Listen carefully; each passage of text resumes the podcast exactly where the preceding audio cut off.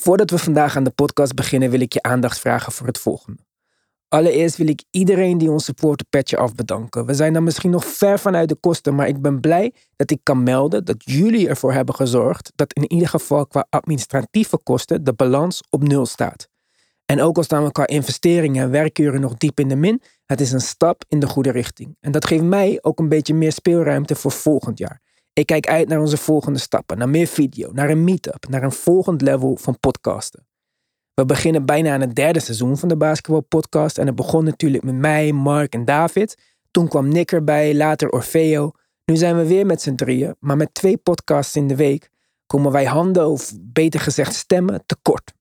Daarom zijn we op zoek naar jou. Ben jij 25 jaar of ouder, in het bezit van een MacBook of andere Apple-computer? Heb je zelf gebasketbald of basketbal je nog? Kijk je veel NBA-wedstrijden? Ben jij wel bespraakt, leergierig en in bezit van een gezonde dosis charisma? Stuur dan een video van jezelf waarin jij vertelt waarom je het nieuwe lid van de Basketbalpodcast moet worden naar info@thebasketballpodcast.nl of via een DM op Instagram @thebasketballpodcast. Man of vrouw, dat maakt niks uit. En ook als je niet voldoet aan een van de eerder genoemde eisen, leg me dan maar uit waarom je alsnog vindt dat jij ons team moet komen versterken. Succes en wie weet, tot snel.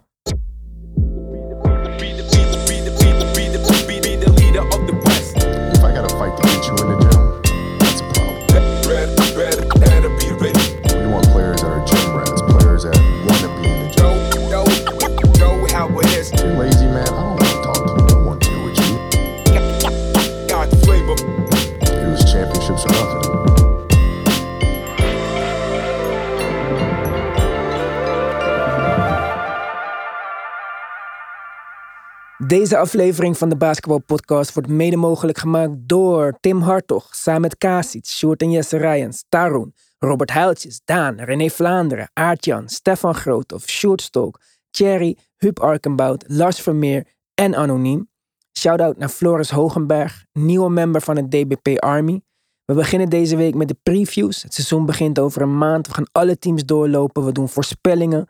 Deze week beginnen we bij de Eastern Conference. Ik ben heel benieuwd hoe Mark en Nick het zien. Ik heb mijn underdog al gekozen. Misschien ontstaat er nog een nieuwe weddenschap hier en daar. Kan ik nog een centje bijverdienen? Dit alles natuurlijk op Petje Af, de basketbalpodcast.nl en dan luister op Petje Af. Support the movement. Onze dank is groot, want zonder jullie was deze podcast niet mogelijk geweest. Ja, daar zijn we weer. Een dagje later dan dat je van ons gewend bent. Daar is een eh, goede reden voor. Ik ben niet zo goed in plannen en Geert heeft het erg druk. Maar je bent er weer, Geert, in Alkmaar. Ik ben er, ja. Het is een tijdje geleden dat wij hebben opgenomen. We hebben natuurlijk een aantal afleveringen nemen we op per dag. Ehm, dus ja, in de tussentijd.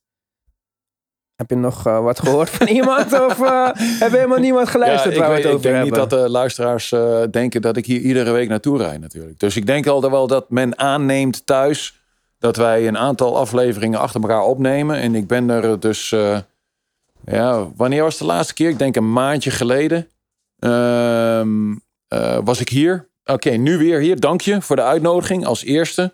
Twee, ik zit weer super comfortabel op jouw, wat is dit, zwerde of leer? Wat is dit? Ik weet niet, maar hij is wel te koop. Dus eh, prijs hem aan. Eh, hij moet weg. Oké, iedereen die een mooie, bruine, comfortabele, diepe bank wil hebben. Nou staat er hier eentje te koop. Daar zit ik nu weer op. Ja, wat is er allemaal gebeurd? Nee, ik moet eh, zeggen, ik heb ja, twee dingetjes eigenlijk. Gisteren een, een bekertje gewonnen. Ehm, de Supercup. Ehm, Gefeliciteerd. Ja, meteen, dank je. En meteen proberen wat, wat nachtrust te krijgen om hier zo vroeg mogelijk bij jou te zijn. Ehm, jou wakker gemaakt, hè? wakker gebeld. Zit echt Midden in de nacht was dat voor mij, vriend. We hadden sowieso weer een miscommunicatie. Ik had begrepen dat je er om negen uur zou zijn. Dus dat betekent dat ik toch echt ja, acht uur maximaal mijn wekker moet zetten om een beetje wakker te worden en zo. Ik ben niet een ochtendpersoon. En dat is voor mij eh, midden in de nacht. En eh, toen appt hij mij om negen uur, ja, ik zit in de auto. Ja, maar dit, luister nu.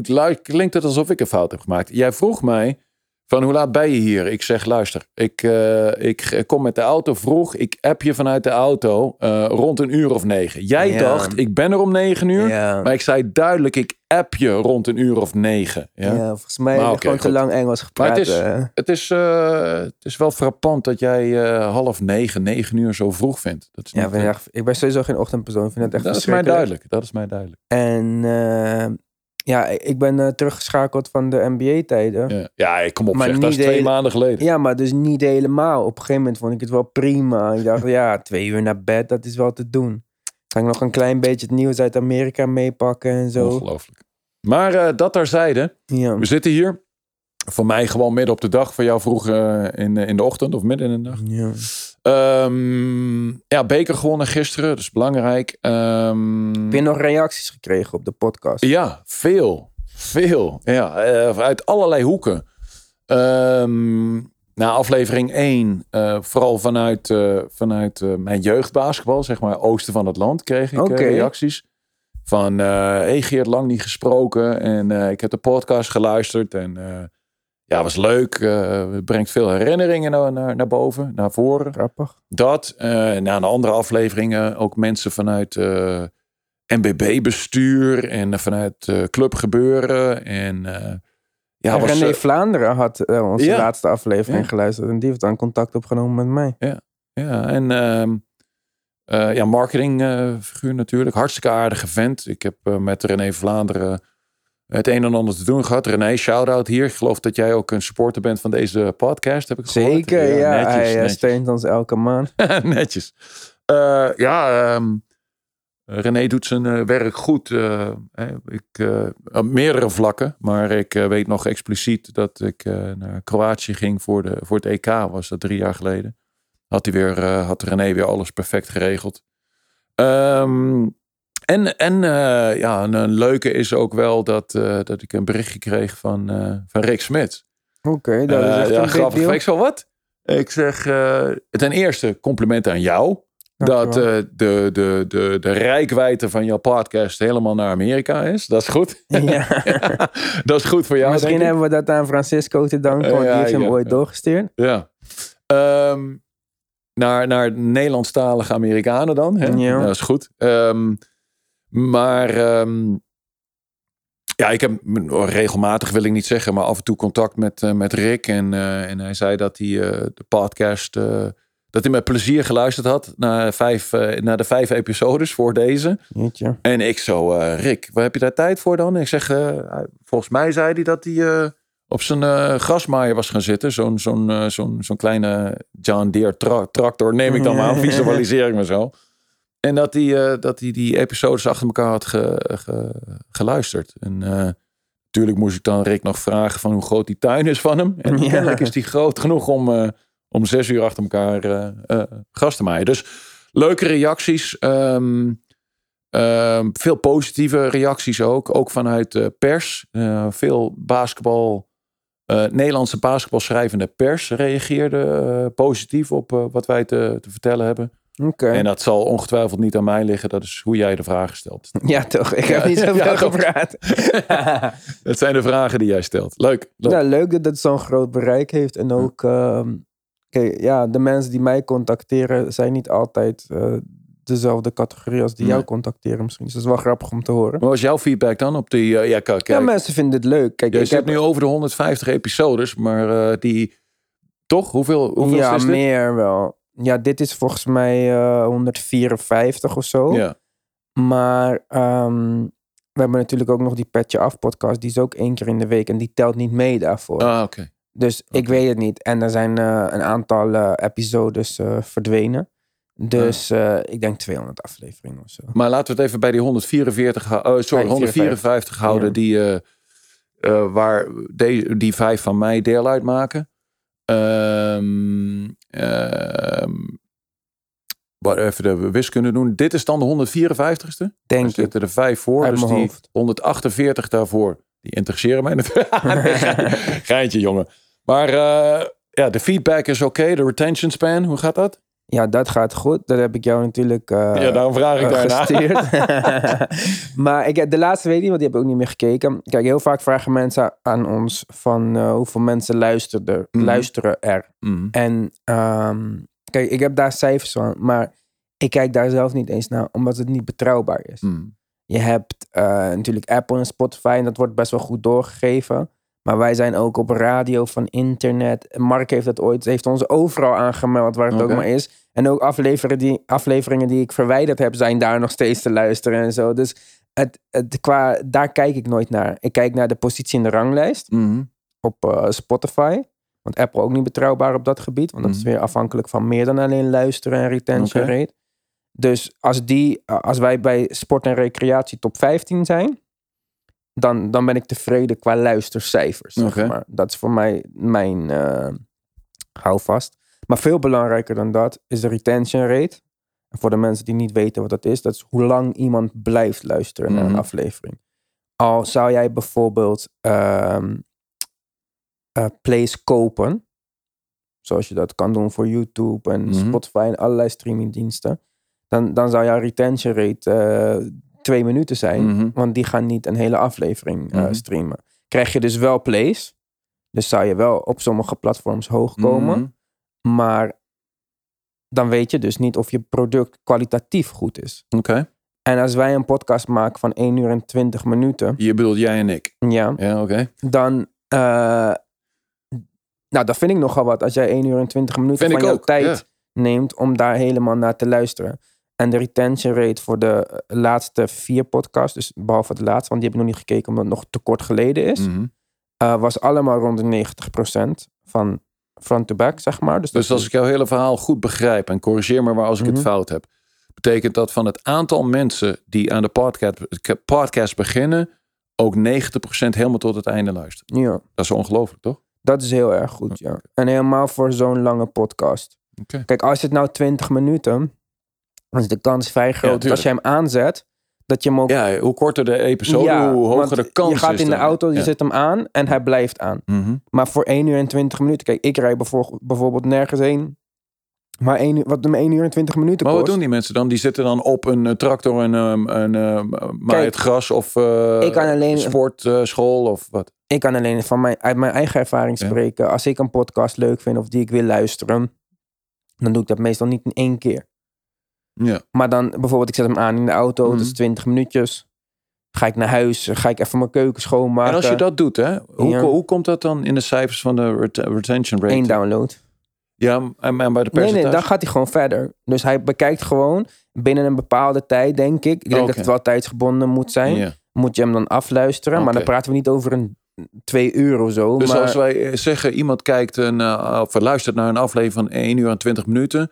eh, maar je doet het in vier stappen, kan- is het nog steeds afgeluisterd. oké. Ja. Oké, goed. Dus het hoeft niet in één stuk. Ah, nee, nee, nee. duidelijk, Dus duidelijk, als ik eh 20 minuten luister in de auto, 20 minuten in de sportschool, eh 10 minuten onder de douche op een speakertje en eh tijd voor het de rest tijdens koken, een van is de nog steeds 90%. dat je hem hebt afgeluisterd. Oké. Dus het is, hoeft niet in één keer te zijn. En hoe dan die downloads worden geteld, dat is weer verschillend per, ehm, per podcast provider, podcast eh, host, per eh, platform. Apple telt het anders, Spotify telt Wat het bedoel je met anders. downloads? Je kunt de hele epi- episode downloads is- downloaden gewoon op je... Nou ja, eigenlijk wordt die altijd gedownload. Maar download hetzelfde als stream. In, Oh, in eh, termen van... eh, kijk, op YouTube zou het views zijn. Mhm. Maar één YouTube view betekent dat ik het heb aangeklikt. Mm. Terwijl bij een podcast moet je een bepaalde tijd luisteren voordat het telt als een download. En dan gaat het, speelt dus bijvoorbeeld bij Apple nog mee. Geef je een goede recensie? Hoe lang luister je? Eh word je vaak opgezocht? Mm. Dus bijvoorbeeld, ehm, je kan op Apple, je kan de meest geluisterde podcast zijn. Mhm. Tot het einde, retention rate 100. Mhm. Maar als jij de hele maand geen nieuwe eh, luisteraars hebt gehad. Of geen mensen die naar jou hebben gezocht op Apple. Mhm. Zul je niet op nummer 1 staan. Ja, ja. Dus Hey, laatste, laatste vraag. Hier, Mhm. om te- anders eh, wordt deze aflevering de retention rate wel heel erg laag. Want mensen vallen in slaap. ja, nou, misschien, Dan gaan we weer naar basketbal. misschien vinden ze het interessant. Ja, maar kun je zo'n episode ook daadwerkelijk downloaden? ja, ja, als jij... eh, Downloaden op je harde schijf of je eh, mediakaart en dan eh, altijd bij je houden? Of moet je, moet je dat iedere keer... nee, Ik bedoel het als een, als een audiofile. ik snap het. Ja? Ja, kijk, nee. Uh, misschien wel. Misschien kan je hem ergens downloaden. Maar in theorie, eh, als je hem downloadt bij Spotify of Apple, dan staat hij wel op je telefoon. Kan je je internetverbinding uitzetten en nog Ah, steeds luisteren maar in je kunt hem alleen dan luisteren ook maar zit hij in die app. Ja. Ja, ja, ja, ja, ja, oké, duidelijk. Dus ik weet niet of er ergens anders een knop is waar gewoon staat download mp3 en Ja, dat klaar, ik, ja. zeg maar. Dat, ja, eh, dat, durf ik niet zeggen. En als je dat zou doen, dan zou het ook niet meetellen voor de retention rate. Ja, oké. Maar dan kunnen we niet meer controleren of Goed, dat... eh, Dit, eh, deze eerste 10 minuten was voor de techies onder ons. Laten we Ja. weer schakelen naar basketbal. Ja, basketbal. Nou, eigenlijk niet basketbal. Of tenminste wel basketbal, maar niet meer spelen basketbal. We hebben het in de vorige podcast gehad over ehm, ja, het, het einde van je actieve speelcarrière. Mhm. Er waren wel aanbiedingen. Je kon ook in Nederland spelen. Je had niet zoveel zin om voor een team te gaan spelen waar er geen kans was om iets te winnen. Mhm. Eh, het reizen werd wat verder. Had je wat onderschat met het verkeer en zo. Familie, kinderen, leeftijd, blessures stapelen zich op. Je dacht, misschien wordt het tijd voor iets anders. En daar kwam nog iets bij dan. Ja, oké, de blessures viel eigenlijk nog wel mee, maar gewoon pijn. Hè? Eh, de- Je kunt dat niet echt een blessure noemen, maar je wordt gewoon ouder en alles doet wat meer pijn. Ehm, maar ook inderdaad eh, de reizen eh, van, eh, van Millingen aan de Rijn naar Keulen en de kinderen niet zien, was, ging toch wel tegen de haren instrijken. Maar het belangrijkste was natuurlijk het overlijden van, eh, van mijn agent. Vanaf seconde één dat ik van amateur basketbal naar professioneel basketbal ging. Dat is dus de laatste seconde dat ik speelde in college. Tot, tot ja, hij kwam te overlijden. Harry Kip heb ik natuurlijk over. Dat was eigenlijk de, de grootst meewegende factor. En dat opende een, een, een, eh, een, een, een slaat, een spot, een, spot, een, een positie binnen, binnen het bedrijf Courtside. Die, eh, die ik eigenlijk vanaf seconde, seconde één na het ophangen van mijn schoenen eh, aan, de, aan de, wat, de, de, de proverbial willige, Ja. ja, eh, meteen innam. Ja. Dus je gaat van, van Maar was dat een samenloop van omstandigheden? Of dacht je al vanaf je 28ste van nou, dat wil ik wel eens een keertje worden later? Nee, het is eigenlijk zo dat Harry eh, dat voor het eerst een keertje suggereerde. Eh, het is zo dat, eh, dat Harry kwam te overlijden tussen mijn laatste twee jaren in, in de zomer. Ehm, dus in de zomer van 2003, als ik het op mijn hoofd goed doe. Ehm, en daarvoor had hij mij al eens een keertje met mij besproken van dat hij de oudste was van de drie eigenaren. Uh, als ik zou stoppen met basketbal, of dat niet interessant voor mij zou zijn. Nou, dat in combinatie met op mijn 27 dus eigenlijk acht jaar daarvoor al, uh, met Alba Berlijn een beetje de jeugdspelers helpen daar. Op heel vrijblijvende basis hoor, niks bijzonders. En dan later ook uh, nog in Griekenland wat met, uh, dat, met Ivkovic. Dat mm -hmm. hij vroeg van, daar moeten we dadelijk ook nog even over hebben. heel ja. kort, Ivkovic. Um, dat uh, dat uh, de spelersgroep mij vroeg daar uh, wat, wat te doen met betrekking tot het wegblijven van salarisbetalingen. Mm. En dan mijn laatste twee, twee jaar in Keulen was het wat intensiever. Het helpen van de, de, de spelers. Onder meer Marcin Gortat die bij mij speelde. En ja, dus eigenlijk was het een samenloop van omstandigheden. privé plus interesse plus ja, de mogelijkheid. Hè? De mogelijkheid die er daar lag. En nou, daar heb ik uh, ja, niet zo heel lang over nagedacht. In episode 5 heb ik het kort gehad over het feit dat mijn laatste jaar eigenlijk statistisch gesproken het beste was. Ja, ja, ja. Uh, uh, leidende rebounder in wat nu de, de Europe Cup, nee, sorry, de Euro Cup was. Dus uh, de tweede Europese competitie. En ook nog iets van 12 of 13 punten. Ik weet het niet eens exact. Maar dat was, nou, daar heb ik nog even nog gekeken of daar nog wat munt uit te slaan was. met een, nog een contractje. Dat was er wel geweest, maar um, de beslissing was relatief eenvoudig en uh, ook vloeiend. Je blijft binnen, binnen je passie. Uh, bij, uh, ik heb daarna zo vaak gehoord van je hobby je werk ja, kunnen maken. Ja. Nou, oké, okay, goed. ik heb het weinig als werk ervaren. Beide het spelen, nog het agent zijn. Het is echt... Ja, we hebben deze, deze episode zijn we begonnen met het feit dat, uh, dat jij niet uit het bed te krijgen bent. 's ochtends. maar ik stond iedere ochtend uh, ja, graag op. En uh, met plezier begon ik aan het werk als speler, maar ook als agent. Genetisch bepaald, hè? of je een ochtendmens bent of niet. Dat is nou, geen of luiheid. Je kunt ook zeggen, hey, om 12 uur s middags begint mijn ochtend. Het is maar net hoe je de tijd Nee, maar het is echt genetisch bepaald. Vroeger toen we rond het eh, kampvuur sliepen en zo, Ja. was het natuurlijk niet verstandig als we met z'n allen acht uurtjes tegelijk gingen pakken. Want dan kwam er een wolf en dan waren we allemaal dood. Dus je hebt gewoon genetisch mensen die beter in de ochtend zijn in de avond. Echt waar, dit is geen, Nee, ik geloof- geen ik fabeltje je. over next Hey, dat zul je ongetwijfeld ergens gelezen hebben. Sowieso. En het paste eh, bij het excuus dat je iedere keer moet aandragen om 12 uur wakker te worden. Dus heb je dat even goed onthouden. ja? Precies. Oké, netjes. Maar, ehm, dus dat, dat ging eigenlijk best wel naadloos in elkaar over. Ja, ja, ja. ja En- het is eh, hetzelfde tak van sport. Mhm. Kijk, ehm, ik had natuurlijk vrienden eh, eh, binnen het Duitse basketbal. Spelers, coaches en bestuur kende ik natuurlijk niet van de clubs. Eh, behalve Berlijn en Keulen. Ja. Mhm. Maar veel spelers die ik kende. En ehm, ja, goed, de, de, de- het lastige van, van de eerste zomer was communicatie en hoe, hoe, te, hoe te communiceren en hoe de onderhandelingen gaan met, eh, met general managers, met sports directors, met de presidenten. Ja? Dat was eh, een, eh, daar zit een eh, learning curve bij.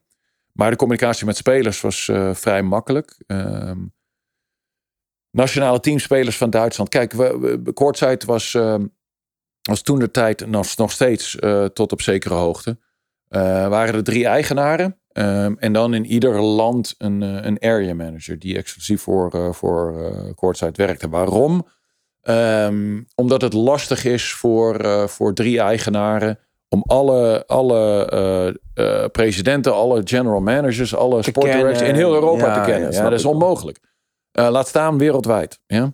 Ehm, plus de taal, de wetgeving. Dat is allemaal heel lastig te doen. Plus als derde, zegt dat een speler, eh, een Nederlandse speler die wij vertegenwoordigden in Spanje eh, speelt. En eh, zijn, zijn ehm, wat een magnetron is kapot.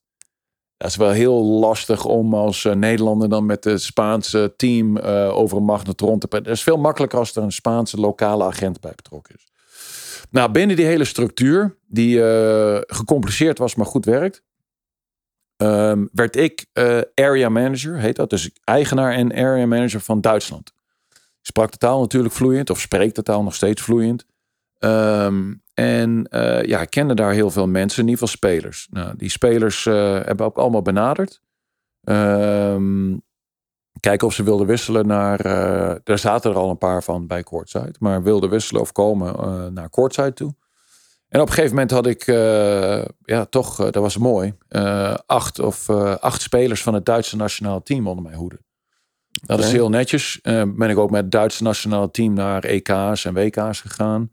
En eh, hè, die moet je toch bij je spelers zijn en, en, en helpen, niet helpen, maar steunen, laat ik het zo zeggen. Ook fysiek aanwezig zijn. En ja, daarna, na, daar natuurlijk ook Dirk Nowitzki een beetje leren kennen. Ik zeg niet dat ik hem goed ken hoor. Dat is het laatste wat ik hier wil overbrengen. Mhm. Maar eh, een beetje leren kennen. Ik had eh Demond Green, Marvin Willoughby. ehm, vergeet ik nog iemand anders? Eh, die komen allemaal uit die Würzburg ehm, st- stal, wil ik niet zeggen, maar omgeving en, en tijdspannen die, die daar met uh, Nowitzki zijn opgegroeid. Ehm, daardoor een, eh, een soort connectie. En dat was, eh, was leuk. was een goed team, dat Duitse team natuurlijk. Goed in elkaar. En eh, ja, als je, als je acht spelers hebt van het Duitse nationale team, dan, dan gaat het rollen binnen het, binnen het Duitse basketbal. Mhm. En oké, ook Amerikanen en CC Harrison, die, dat is een voorbeeldje die ik noem, omdat hij in Keulen heeft gespeeld, en, maar later ook in Amsterdam. Oké. Dat was een superteam toen in Amsterdam, met, met eh, goede spelers, met eh Arik Sivek als hoofdcoach. En, eh, maar ook Marcin Gortat en dat soort dingen. En, en ja, het agentenleven beviel me. Hard werken, veel, veel meer uren eigenlijk dan zeg maar de vier, vijf uur trainen als speler. En zeg dat daarbij dan wat meer rust komt. Als je zegt zes uur totaal. Ja, dag- fysieke rust. ja, ja nee, maar als je twee keer per dag traint, dan doe je ook een tukkie misschien tussen de twee eh, trainingen. Dus laten we zeggen dat je zes uur kwijt bent. En maar maar, maar eh, agent zijn is veel meer uren per dag. Ja? Maar leuke uren ook. En interessante uren. Het, eh, het dan, eh, er was nog een Bosman-regel toen. Hè? Ehm, en dan Duitse nationale teamspelers naar Italië brengen, naar Spanje brengen, naar, en dan eh, communiceren met, uh, met, uh, met de Barcelona's, de Real Madrid's of andere ACB-teams of met Panathinaikos bestuur of Maccabi Tel Aviv of het CSKA Moskou. Dat is gewoon fantastisch. Ja? Natuurlijk hebben we daar onze area managers, maar omdat je dan de directe agent bent van de speler, Mhm. dus communiceer je ook met deze clubs, ga je wedstrijden kijken. Euroleague Final Fours bezocht. Het, is, het was. Kijk, ik, ik doe dat nu in, in 10 minuutjes. Een tijdspanne van 2004 tot, tot, hè, tot twee jaar terug. Maar daar zitten zoveel verhalen bij. Het een, was een leuke en interessante periode.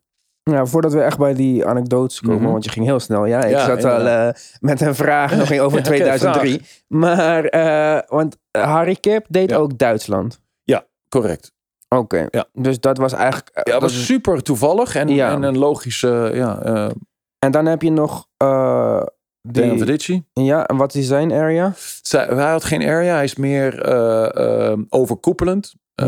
Ehm, Maar hij vertegenwoordigt ook spelers of is hij meer Ja, ja hij heeft, eh, vooral nou, een tijdje geleden vooral ook grote spelers. Hij is een van de eerste agenten die, die Europese spelers naar de NBA bracht. Ook die connectie met, eh, daar hadden we het eerder over, met eh vader-zoon relatie in Dallas. Help me, jij wist het, toen- die naam toen ook. Eh, Don Nelson? Ja, de Nelsons. En ehm ja, Dejan Vidici heeft... eh, en Dejan, als je dit luistert, excuseer me als ik het jaar, de jaargang niet goed heb. Maar in ieder geval voor mijn tijd. Ik denk begin 90 jaren, als ik eh, Mhm. een gokje moet doen. Eh, eh, Russen en, eh, en eh, andere Europeanen eh, naar de NBA gebracht. Hij was een eh, van de pioneers daarbij. En ehm, ik wil niet zeggen een van de eerste eh, Europese agenten met een NBA-licentie, maar misschien ook wel. Hij is ook eh, de president van eh, de wereldwijde eh agentenunie. Oh ja, dat was het. Ja. En, eh, maar hij heeft geen eh, specifieke afzetregio, dus een area manager, maar overkoepelend. Ehm, En hij is Servisch. eh, hij is Servisch, nou, hij is Nederlander. In Nederland geboren. Nee, in Servië geboren. Is ook eh, een, eh, een eh, gedeelte van zijn jeugd getogen in, eh, in Zweden. En poh, nee. ja, en, eh, maar heel stiekem met, eh, hoop ik dat Dejan hier naar luistert. Want deze jaartallen moet ik misschien wel weten. Aha. Maar ehm, nou, poh, ergens in zijn, in zijn jeugd naar Nederland gekomen. Want ik weet dat hij hier VWO heeft gedaan. Ja. Oh, oké. Ja, Dus dan is hij wel echt... Nee, hij is gewoon, gewoon Nederlander. Gewoon, Oké, wel grappig. Ja. En, en Jan Luchtenburg. Jan Luchtenburg. Ja. En zijn regio is? Eh, Nederland-België. Nederland-België. Ja. Oké. Ja. En dan... Maar dus door heel Europa verder. Rusland, eh, Balkan. Ja, overal. eh, overal hebben we area managers zitten. Ehm, zeker in die tijd. Ehm, en we deden ja, heel veel zaken. Vooral op de Bosman Market. Waren we echt dominant. En ehm, ja, was leuk. We hadden ook een kamp. Een kamp eerst in Peks, geloof ik, Hongarije. Ik weet niet of ik Mhm. dat goed uitspreek. Maar dat was, want dat was voor mijn tijd. mhm. Ehm, in 2004, toen ik eh, a- agent werd en bij Kortzeit aan eh, eh, was, werd het kamp gehouden in Frankfurt, eh, Duitsland. En dat is een kamp voor allerlei, allerlei eh Kortzeit-spelers die, eh, die die zomer eh, eh, een baan zochten. En ehm, nog wel eens voor general managers, coaches en eh, allerlei andere eh beslissingsbevoegde personen in het clubgebeuren, Europees clubgebeuren, Mhm. nog een keertje hunzelf wilden laten zien. Hen zelf wilden laten zien. Ehm, en eh, wat is daar het voordeel van? Kijk, als je Euroleague speelt, hoef je niet in de zomer nog een kampje te spelen. Eh, of een kampje, dat is eh, de enige. Een kamp, dat was een groot kamp Mhm. eh, te spelen. Want oké, eh, in allerlei landen kennen je ze. En toch, en toch waren er heel veel Euroleague spelers op onze kampen. Was mooi, echt heel mooi. Ehm, maar het was vooral en ook bedoeld voor spelers die, die op hoog niveau echt goed kunnen basketballen, maar misschien een jaar hadden gespeeld in een lokale competitie, welk land dan ook, maar niet internationaal. En dan nog een kans willen hebben om voor internationaal eh, publiek, dus publiek zijn, er was geen publiek bij onze kampen, Mhm. toch zat de tribune goed gevuld met allerlei eh, general managers, sport directors en presidenten en coaches. Ehm, om nog een keertje te laten zien aan, aan, aan, dat soort mensen buiten het land waar ze het jaar daarvoor hadden gespeeld. Nou, dat is echt fantastisch. Hadden we acht teams. En die probeerden we dan ook een beetje in te delen op eh, nationaliteiten. Dan hadden we een Duits team, een eh Servisch team, een Kroaats team, een, een Israëlisch team gecombineerd met een ander land. Dat we wel Mhm. twaalf hadden. En dan eh, een Amerikaans team of twee Amerikaanse teams. Met allemaal, dat was fantastisch, want dan komt er ook eh, een, eh, in een kampsituatie een soort eh, ehm, saamhorigheidsgevoel sneller. Ja, en ook een een teamspirit ja, krijgt. inderdaad. Team ja, ja, spirit ja. en ook echt wedstrijden wilden winnen. Nou, waren gewoon, vooral toen in 2004 nog relatief dicht bij de Balkanoorlog. Als Kroatië tegen Servië moest spelen. was gewoon ongelooflijk. Hè? Dus had je eigenlijk gewoon een soort van mini-toernooi wat niemand mocht zien. Eh, eh. ja, wel, iedereen mocht zien eh, die betrokken was bij een club. Ja, bij een professionele club. En worden die kampen nog steeds georganiseerd?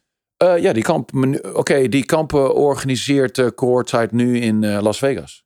Uh, ik al net hele vragen, tijd. mag kijken de volgende keer, maar dat is met te ver. Nee, maar dat mag nu. Ja, Ja, naar Ja, Las mag. Vegas. Oh, Ja, nu dat mag iedereen kijken. Ja, dan mag iedereen kijken. Kan iedereen naar binnen.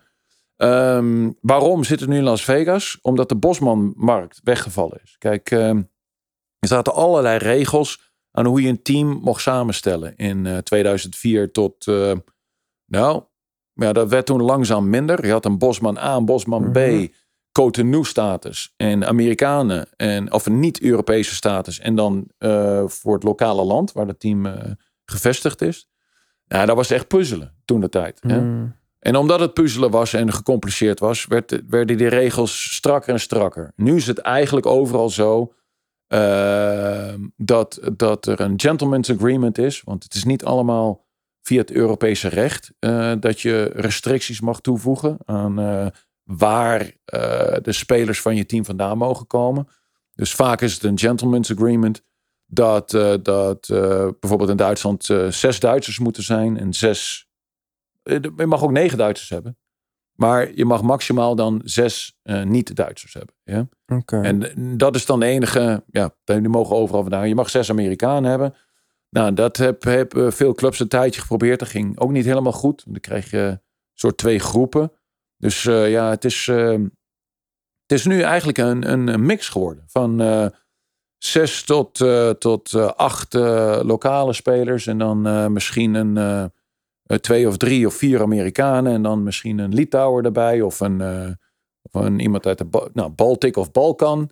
Of, Ja, eh, je mag ook. Joegoslavisch zeggen. Nee, ik heb feedback ik durf dat niet meer. Nee, ik heb die, ik heb ik heb die episode, gekregen. ik heb potverdorie die, eh, die episode 5 terug eh, geluisterd. En eh, ik heb daar mijn lesje geleerd. Ja, maar wat wel terecht is misschien... Kijk, ik, ik wil gewoon niemand voor het hoofd stoten. En sommige mensen vinden Joegoslavië... Nee, maar daar... Ja, vinden dat niet leuk om te horen. Ik weet het ook niet. Maar ik heb wel van bijna... Van heel veel mensen gehoord dat het gewoon Joegoslavië.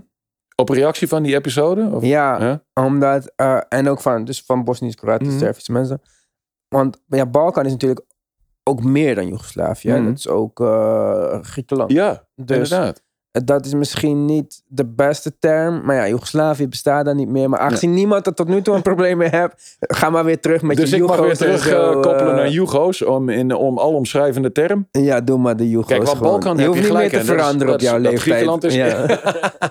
Wauw, waar het maar zo. Ja, Oké. Maar goed, eh, nog één vraagje over die kampen dan, want ik vind het wel interessant.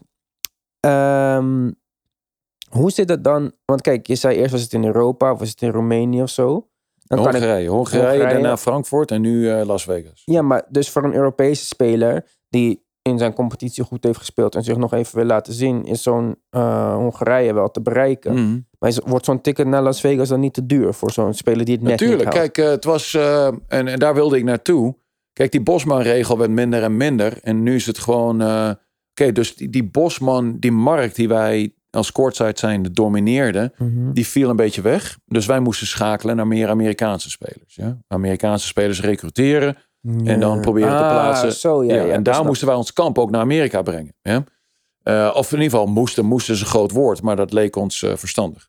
Ehm, nou, dat is al de laatste, poh, dat doe ik weer uit mijn hoofd. Zeven, acht jaar in Las Vegas. En Oké. daar ga ik nog ieder, ieder jaar naartoe. Nou, afgelopen zomer niet vanwege COVID. Ja, er wa- de, vanwege COVID was, eh, was eh, NBA season verplaatst. Die, die eindigde later. Daardoor was de NBA Summer League verplaatst Mhm. naar mid-augustus. Ja. En eh, daardoor was eh, het Courtside Camp en andere agenten hebben ook andere agenten hebben ook tijdens de NBA Summer League een kamp, want dan zijn ook Europese coaches en, en eh, general managers daar. Maar dat viel dus mid-augustus en dan was ik al begonnen met Leiden. Dus de- deze zomer ben ik niet gegaan. Maar eh, ja, coaches gaan er naartoe en kijken Summer League, kijken die kampen. Eh, ook van andere agenturen en agenten hebben daar kampen parallel aan, aan de NBA Summer League. Dus ja, de, de- nou, Las Vegas is groot, maar heel veel basketbal is er dan te zien. En dan skippen die, eh, die, eh, die general managers, coaches, 's ochtends van eh, kamp naar kamp. En dan smiddags naar de Summer League. En s'avonds helemaal kapot, slapen. En 's ochtends weer ook nog vechtende met de jetlag natuurlijk. En dan Dus het, spelers bekijken. En spelers en- bekijken en evalueren. En dan opschrijven. En dan, ja, dan bij terugkomst. Hé, hey, er worden ook spelers daar op de plaats getekend. Ja, in de koortzijdkampen. Meerdere malen, meerdere malen heel veel meegemaakt dat de coach zegt: Nou, die speler wil ik meteen hebben. Onderhandelen, agenten erbij natuurlijk. En eh, dat daar in het kamp in Las Vegas getekend wordt. Maar eh, doorgaans is het dan zo dat ze een eh, rapport maken, mee teruggaan naar eh, andere bestuursleden in Europa en dan eh, contacteren eh, de agent eh, die, die gekoppeld is aan de speler die ze gezien hebben in, eh, in, in Las Vegas. Of dat nu ons kamp is, kamp van een andere agent of agentuur of eh, in de Summer League. Oké. Lijkt me best wel moeilijk om een speler te tekenen op basis van een twee dagen kamp of zo. Dat is, het, kijk, het, het Misschien wordt- kende je hem al en waar je alleen nog even zien of hij nog fit was of Ja. goed. eh, hey, moet je voorstellen, eh, dat hele agentengebeuren heeft natuurlijk een ongelooflijke evolutie doorgaan. Eh, voordat ik agent werd, heb ik verhalen natuurlijk gehoord van Jan, Dejan en andere agenten. eh, die al agent waren tien jaar voordat ik dat was, eh, binnen Ehm, moet je voorstellen dat, dat eh, er waren ook veel minder agenten. Kijk, nu heb je het hele fenomeen internetagenten. Ja? Nee, daar komen we straks misschien wel op. mhm. Maar ehm, een, een Jan Luchtenburg bijvoorbeeld. ehm, moet, alles moet, moest doen met, met telefoon. Met een telefoon aan de muur. En als dan een contract gestuurd moest worden, moest je naar postkantoor voor een faxmachine. Ja? Eh, of de, een, een telegram of een rookwolk. Of, nee, nee, nee. En dan, eh, ja, en, en, en de tapes eh, die, eh, van spelers, die werden toegezonden in VHS-banden. Werden gewoon in pakketjes met bubbeltjes en de eerste, in 2004 deed ik dat ook nog. Ik zat vijf keer per week bij het postkantoor. Banden VHS-tapen sturen. dit, dat. En, nou, ik had thuis zo'n zo'n zo'n zo'n tape-player waar je VHS in kon doen in dat Amerikaanse systeem. Dat NTHS-banden. En eh, die, nou, die kon je dan nou, van elkaar overzetten. Dus als ik spelers van de college kreeg, banden, kon ik ze op zo'n hele grote machine thuis, moest ik ze omzetten naar een VHS en dan doorsturen naar, eh, naar clubs in Europa. Jeetje mine. Ja, en dan de contract. Ik had een faxmachine. Ik had een faxmachine thuis. Ja, Mhm. papieren, inktrollen. Jongen, je werd er helemaal gek van. Nu, en, en maar, maar ook een eh, Jan Luchtenburg. Ja, dan, dan moest er gebeld worden. Dan deed de faxmachine het niet op het postkantoor. Dan is het gewoon één grote chaos. Wat daar, wat daar wel heel belangrijk is, wat ik begrepen heb. Wat wel heel belangrijk is, dat de rol van de agent en, en de trustworthiness van de agent toen heel belangrijk was. Als je een club had, moest je gewoon 100% kunnen vertrouwen op die agent. Die agent had de tapes, eh, evaluatieproces van, eh, van de agent. En, eh, en als hij zei, dit en dat is het zo, hier heb je een tape, kun je gaan kijken. Nou, dat, dat was het. Dan, daarom waren die banden tussen clubs en agenten toen heel hecht. Ja? Mhm. Eh, dat was in 2004 ook nog wel zo, toen ik begon. Maar toen ging van VHS ging naar DVD. Ik heb toen eh, mijn hele weet je, tech ding om moeten wisselen naar DVD-kopieermachines. Ja, en nou, ik heb stapels van die, van die hoesjes waar je DVD's in kon opsturen naar eh, dingen. Nou, dat heb ik ook nog eh, drie, vier jaar gedaan. En op een gegeven moment is dat natuurlijk ook weggevallen. Alles is nu gewoon online, klaar. Eh, plus niemand faxt meer. Ja? Faxmachine is weg. Die, die tape, eh, VHS tape machines weg. CD of DVD machines weg. Laptop. Ja, laptop is alles nu. Dat, is, dat, dat heeft twee dingen als gevolg. Ehm, eh, die relatie tussen, clubs, die hechte relatie tussen clubs en agenten, die, die werd wat minder. Uh, werd ook minder belangrijk. Want alles wat de agent online kan vinden, kan de club online ook vinden. Ten eerste, alle stats zijn nu available. Ja, ja. ja alle stats. Alles, Uitgebreidere stats uit, misschien. Hey, advanced stats van, uh, van, uh, van alle Europese spelers en college spelers zijn nu te vinden. Ja? Um, um, video's. Iedere speler die klaar is na een jaar maakt zijn eigen highlight clipje en uh, gooit een paar uh, volle wedstrijden. Nou, Met zieke mixen ja, en. Uh... Nou, en, en, en agenturen verzorgen dat voor de spelers die, die, die ze vertegenwoordigen ook, zetten dat op hun site. Dus clubs kunnen eigenlijk alles al vinden. Ja? Nou, uh, maar een speler moet nog wel nog steeds vertegenwoordigd worden, want de onderhandelingen zijn belangrijk. Het kan niet zo zijn dat een speler als rookie of zelfs tien jaar veteran uh, een, een, een, een, een, die zal dan één keer per jaar, als hij kiest om het alleen te doen. Ja, dus niet, niet, niet aan te raden. Uh, ik kies dan om het alleen, die doet dat misschien één keer per jaar. Een club doet dat uh, hè, misschien dertig keer per jaar, een contract onderhandelen. En heeft misschien 30 jaar ervaring. Dat is niet, dat is niet goed. Dat is niet gelijk. Hè? Dus die agenten zijn, blijven wel nodig. Maar door de hele technology nu heb je honderdduizenden agenten. En Facebook-agenten die alles aan bij elkaar liggen. Uh, allerlei dingen doen. En ja, dat kan eigenlijk helemaal Ja, dus eigenlijk is een agent van, als, je, als ik het goed begrepen heb. Vroeger was jij een soort van talent scout. Die gewoon met een speler bij een club kwam. Mhm. En dan hing jouw reputatie ervan af of die speler zo goed was als dat jij beweerde. Want anders gaan we jou niet meer bellen. Mhm. Terwijl als hij echt zo goed is wat jij zegt, dan gaan we je nog een keertje bellen, want dan hebben we nog een paar spelers nodig. Is dat meer gegaan naar een soort van advocaat die contracten onderhandelt? Want iedereen kent de spelers al. Dat is, uh, dat is uh, cru. Een uh, beetje kort door de bocht. Maar niet ja, onwaar. Maar, maar niet onwaar. Ja, ja oké. Okay. Er komt natuurlijk nog wel heel veel bij kijken. Ja. ja. maar als opsomming kan ik me daar wel in vinden. Ja. Lijkt me wel minder leuk. Is ook minder leuk. En het wordt ook onpersoonlijker. Um, plus dat in combinatie uh, dat, uh, dat spelers, niet, niet spelers, maar ik denk ook gewoon, ja, jeugd is ook weer zo'n zo'n term.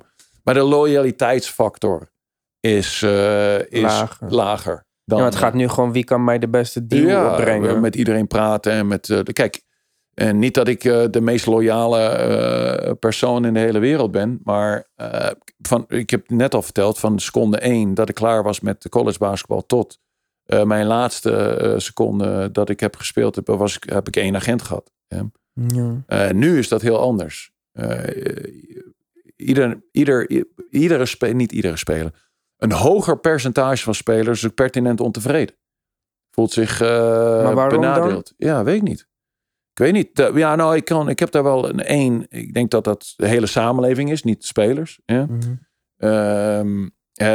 ontevredenheid, uh, ergens, ergens uh, slachtoffer van zijn is natuurlijk nu wat, wat prevalenter dan, dan, dan eerder. Maar ook, dat komt ook door agenten. Kijk, er zijn al die agenten die gewoon spelers continu beladeren op Facebook. Met zeg van, hé, hey, je zit bij de verkeerde agent. als je bij mij komt, dan verdien je twee keer zoveel. Is gewoon is gewoon... Maar wat heeft die Facebook agent er eh, dan aan? Nou ja, die, nou ja de, veel. Want uh, die, die turnover, uh, die turnover van, van spelers naar andere agenten, uh, dat wordt vaak door dat soort dingen gestimuleerd. En dan, dan hopen ze. Kijk. Maar met, als ik jou niet bij een club kan brengen, dan wat is het, wat is het nee, ja, nee, maar dit, kijk, een Facebook-agent kan. kijk, je hebt een relatieagent en Facebook-agent. Relatieagenten, dat is, daar moet je tijd investeren. Uh, dat is alles correct. Mm -hmm. Facebook-agenten, die, dat kun je binnen een uur kun je 500 spelers benaderen. Mm -hmm. Nou, als daar eentje van blijft plakken, heb je en daar een commissie uit kunt halen. Maar hoe halen zij die? Dan moeten nou, ze da daadwerkelijk nog wel iets doen ja, verder. Nou, nou, nee, maar oké, van die 500 die ze benaderen met uh, hey, hetzelfde tekst, sturen ze naar Jan en Alleman. En dan, dan, dan nou, als daar eentje van zegt van, oh, oh, oh, ja, die, die, die zich op dat moment dat hij aan het spelen is benadeeld voelt, of beter. Let wel, hè. Ik ben zelf speler geweest. En iedere speler denkt dat hij ietsje beter is dan hij daadwerkelijk is. Ik Ja. ook. Iedere speler doet dat. Dat is ook logisch. Als je dat niet Ik denk doet. als dat er meer in zit, zeg maar. ja, maar als je dat Ja. niet doet, dan, dan, dan eh, ben je niet zelfverzekerd genoeg. En heb je ook niks te zoeken in de topsport. Dat is, dat is ook oké. Eh, maar er is natuurlijk een percentuele, percentuele eh, perceptieverschil tussen je marktwaarde en wat je denkt waar te zijn. Ja? Ehm, nou, dat zal altijd ehm, de spelers, wat die denkt dat die waard is, zal altijd vaak, een hoog percentage van de spelers denkt dat het iets hoger is dan zijn marktwaarde daadwerkelijk is. Wat de markt door vraag en aanbod dicteert. Ehm, en, maar oké, daar heb je het dan als eh, agent over. Maar Facebook-agenten, of ik noem dat Facebook-agenten, maar die internet- en e-mailagenten, eh, die, die spelen in op, eh, op de hoop dat die, dat verschil in perceptie en daadwerkelijke marktwaarde zo groot is dat die speler zegt van, oh, dat die reageert op zo'n Facebook-berichtje of zo. Nou, dat gebeurt ook heel vaak. Nou, en dan eh, hè, 90% van de keren zegt hij, eh, oh, je hebt net iets te laat gereageerd. Eh, de club heeft net eh, iemand anders op die positie die ik voor jou in gedachten had getekend. Maar ik zoek iets anders voor je. Hopende dat die speler nog wat langer blijft plakken. Ja? En dan tekent hij bij zo'n Facebook-agent. Misschien. Of eh, zegt bij mij hoef je niet te tekenen. Hè? Ik, eh, ik vertrouw je. Dat soort dingen. Allerlei rare Maar wat, wat is dan uiteindelijk het goal als hij niemand eruit kan? Nee, jawel, jawel. Dan, zodra hij dan ook een speler heeft die daadwerkelijk een, een cv heeft, eh, dan kan hij naar een club toe gaan en zeggen: Deze is bij mij. En, en dat is hetzelfde. Hè? Stuurt hij ook, heeft hij een e-maillijst gemaakt van alle clubs, alle general managers. En dan stuurt hij gewoon één speler naar honderdduizend clubs. Heeft geen persoonlijke relatie mee. En dan hoopt hij daar weer dat er eentje blijft plakken. Kijk, ik heb een beetje uitgelegd wat, eh, wat ik zelf deed. Ja, ik heb persoonlijke relaties met eh, iedereen in iedere club in Duitsland. Mhm. Natuurlijk, omdat ik Nederlander ben, had ik ook relaties met, eh, met de Nederlandse clubs. iets samen met Jan Luchtenburg. Maar daar was Jan Luchtenburg verantwoordelijk voor. Ehm, maar deze mensen hebben geen relatie met niemand. Maar de, de- waar zij op gokken is dat een van die eh, honderden eh, spelers die ze benaderen reageert. En dan met die één of twee spelers die hij krijgt op die manier, of in ieder geval de, de, interesse heeft gewekt, stuurt hij eh, duizenden e-mails naar allerlei clubs. En dat er daar weer eentje van blijft plakken. Mm. Ja. Dat is, ja, dat kan gebeuren. Maar het probleem daarmee is dat de agenten die het op de correcte manier doen, continu aan het vechten zijn met, niet vechten, aan het eh, backvechten zijn of aan het corrigeren zijn met de spelers die ze onder contract hebben. Eh, die, eh, die gevoed worden door BS van, van dat soort agenten. En denken dat, dat ze twee keer zoveel waard zijn dan ze zijn. Dan maakt het de, de, de, de baan, de job die de agent voor, voor een speler waar die, die die getekend heeft alleen maar moeilijker en lastiger. Mm. Ja. Ja. dat is wel vervelend, ja. Ja. Maar dat is wel een beetje ook een product dus van dat nieuwe agent zijn, zeg maar. Ja, nee, maar kijk, alles gaat nu eh, digitaal. Het, het feit dat, eh, dat, eh, dat we twee economische. Wat is het meervoud van crisis? Cris, cris, crisis. Ik denk crisis, ja, Crisis, weet ik crisis, dat zou ik zeggen, maar... crisis, crisissen. Oké, eh, hebben doorgemaakt. Kijk, wij zitten hier en we hebben het over basketbal. En wij vinden basketbal heel erg belangrijk. Is het ook in mijn leven. Maar eh, let wel, het is, wij, wij dealen hier in entertainment. Voor de persoon die naar een basketbalwedstrijd komt, is het een keuze. Of naar de bioscoop, of naar, eh, weet ik wat, een etentje uit met de vrouw. eh, of naar een basketbalwedstrijd toe. Het is entertainment. nou, een economische crisis. Die twee die we hebben doorgemaakt in, in de tijd dat ik agent ben. ja, dat, dat voelt iedereen in zijn portemonnee. En Mhm. iedereen moet keuzes gaan maken, opeens. Ja? En dat geldt, hetzelfde geldt voor sponsoren. En eh, die door de economische crisis van 2008 en eh, daarna eh, het lastiger hebben. Dus de, de, het eerste wat, wat gaat, hè, je hebt je vaste lasten. ja. Je hebt dingen die je moet betalen. Oké, en mensen hebben wat minder geld in hun portemonnee. De eerste wat gaat is entertainment. Ja. Dus er ging ook wat minder geld om in het professionele basketbal in Europa. Oké. Ehm, wa- wa- bij wat bedoel ik? Een hoop. Eh, echt- Voorbeeld, je speelt bij Real Madrid, je kreeg eerst... kijk, er zijn een paar eh, teams die immuun zijn. Real Madrid. ja. Die, die, eh, die hebben aan de onderkant in het rood, daar, daar proppen ze dat gewoon bij. Oké, dus wat is een van de eerste beste teams die wordt ge- geraakt door zoiets? Hey, bijvoorbeeld de, de, de, de, de, de, de basketbal-economie in Griekenland collapste. Ja, eh, Duitsland eh, redelijk stabiel, omdat Duitsers vooruit plannen. En, eh. Misschien ook financieel ja, verantwoordelijke kijk, je hebt, doen. je hebt bepaalde dingen. Dus er zijn eh, eh, eh, clubs weggevallen door de Mhm. economische crisis. Ehm, er zijn hele leagues samengevoegd door de economische crisis. Dat betekent dat er veel minder banen zijn. Ja? Er zijn veel minder banen, dus, dus het aanbod is, is, wordt minder. De supply blijft hetzelfde, het aantal Mhm. spelers. Dat betekent dat, dat de prijs naar de salaris, de prijs naar beneden drijft. Nou, dan moet je daar met de spelers over hebben. Dat is geen lastig, dat is geen makkelijk praatje. Dat, dat, wil niemand horen. Ja. Ehm, en, en dan moet je ja, wel gebalanceerde, intelligente eh, of, eh, of spelers eh, hebben die, die vol vertrouwen de agent volgen in deze. Eh, ja, kun je ook wel eens een misplaatste stap maken en verkeerd gokken als speler zijn. En let wel, dat, er zijn ook heel veel agenten die denken dat ze de baas zijn over de spelers. Ik heb dat nooit zo gedaan. Ik heb de spelers ook altijd verteld dat ik voor de spelers werk. Mhm. Zij zijn de baas. En mijn rol in deze is, eh, eh, is dan eh, sinds 2004 was het eh, ehm, hopelijk meer dan één baan aanbod, een aanbod creëren. Dat, ze, dat de speler een keuze heeft. En, en adviseren in, in, in carrière building. Ja? Dus welke stap iedere zomer het beste is naar het doel die hij wil bereiken. Ehm, nou, hopelijk heb je meer dan twee aanbiedingen. Dan, eh, dan heb je keuzes. Soms vijf, soms, maar dat, dat hangt af van hoe goed de speler zelf speelt op het veld natuurlijk. En dan afwegingen maken wat het beste is richting het doel. En maximaliseren van één. ehm, wat je mogelijkheden zijn maximaal eh, als speler qua niveau. En, en geld natuurlijk. Kijk, in het begin is geld wat minder belangrijk. En waar je speelt en voor welke coach is belangrijker. Belangrijker. Maar als je 30 bent en je hebt twee kinderen, eh, is het helemaal niet onredelijk om, eh, om geld een prioriteit te maken. Maar je zegt net van, eh, dus je, je denkt nou over die carrièrepaden, over contractonderhandeling ben je bij betrokken en zo. Maar hoeveel spelers heb je dan tegelijk onder je hoede ongeveer? Ehm, kijk, wij waren natuurlijk een, wij zijn een grote organisatie bij Courtside. Ehm daarmee wil ik zeggen, Courtside is een grote agentuur. En toen, eh, toen, eh, eh, toen ik agent was, ehm, veel, hadden wij als, als agentuur veel spelers. Veel spelers. Ehm, maar dat is een voordeel. En ik, ik zeg waarom. We hadden natuurlijk ook veel agenten.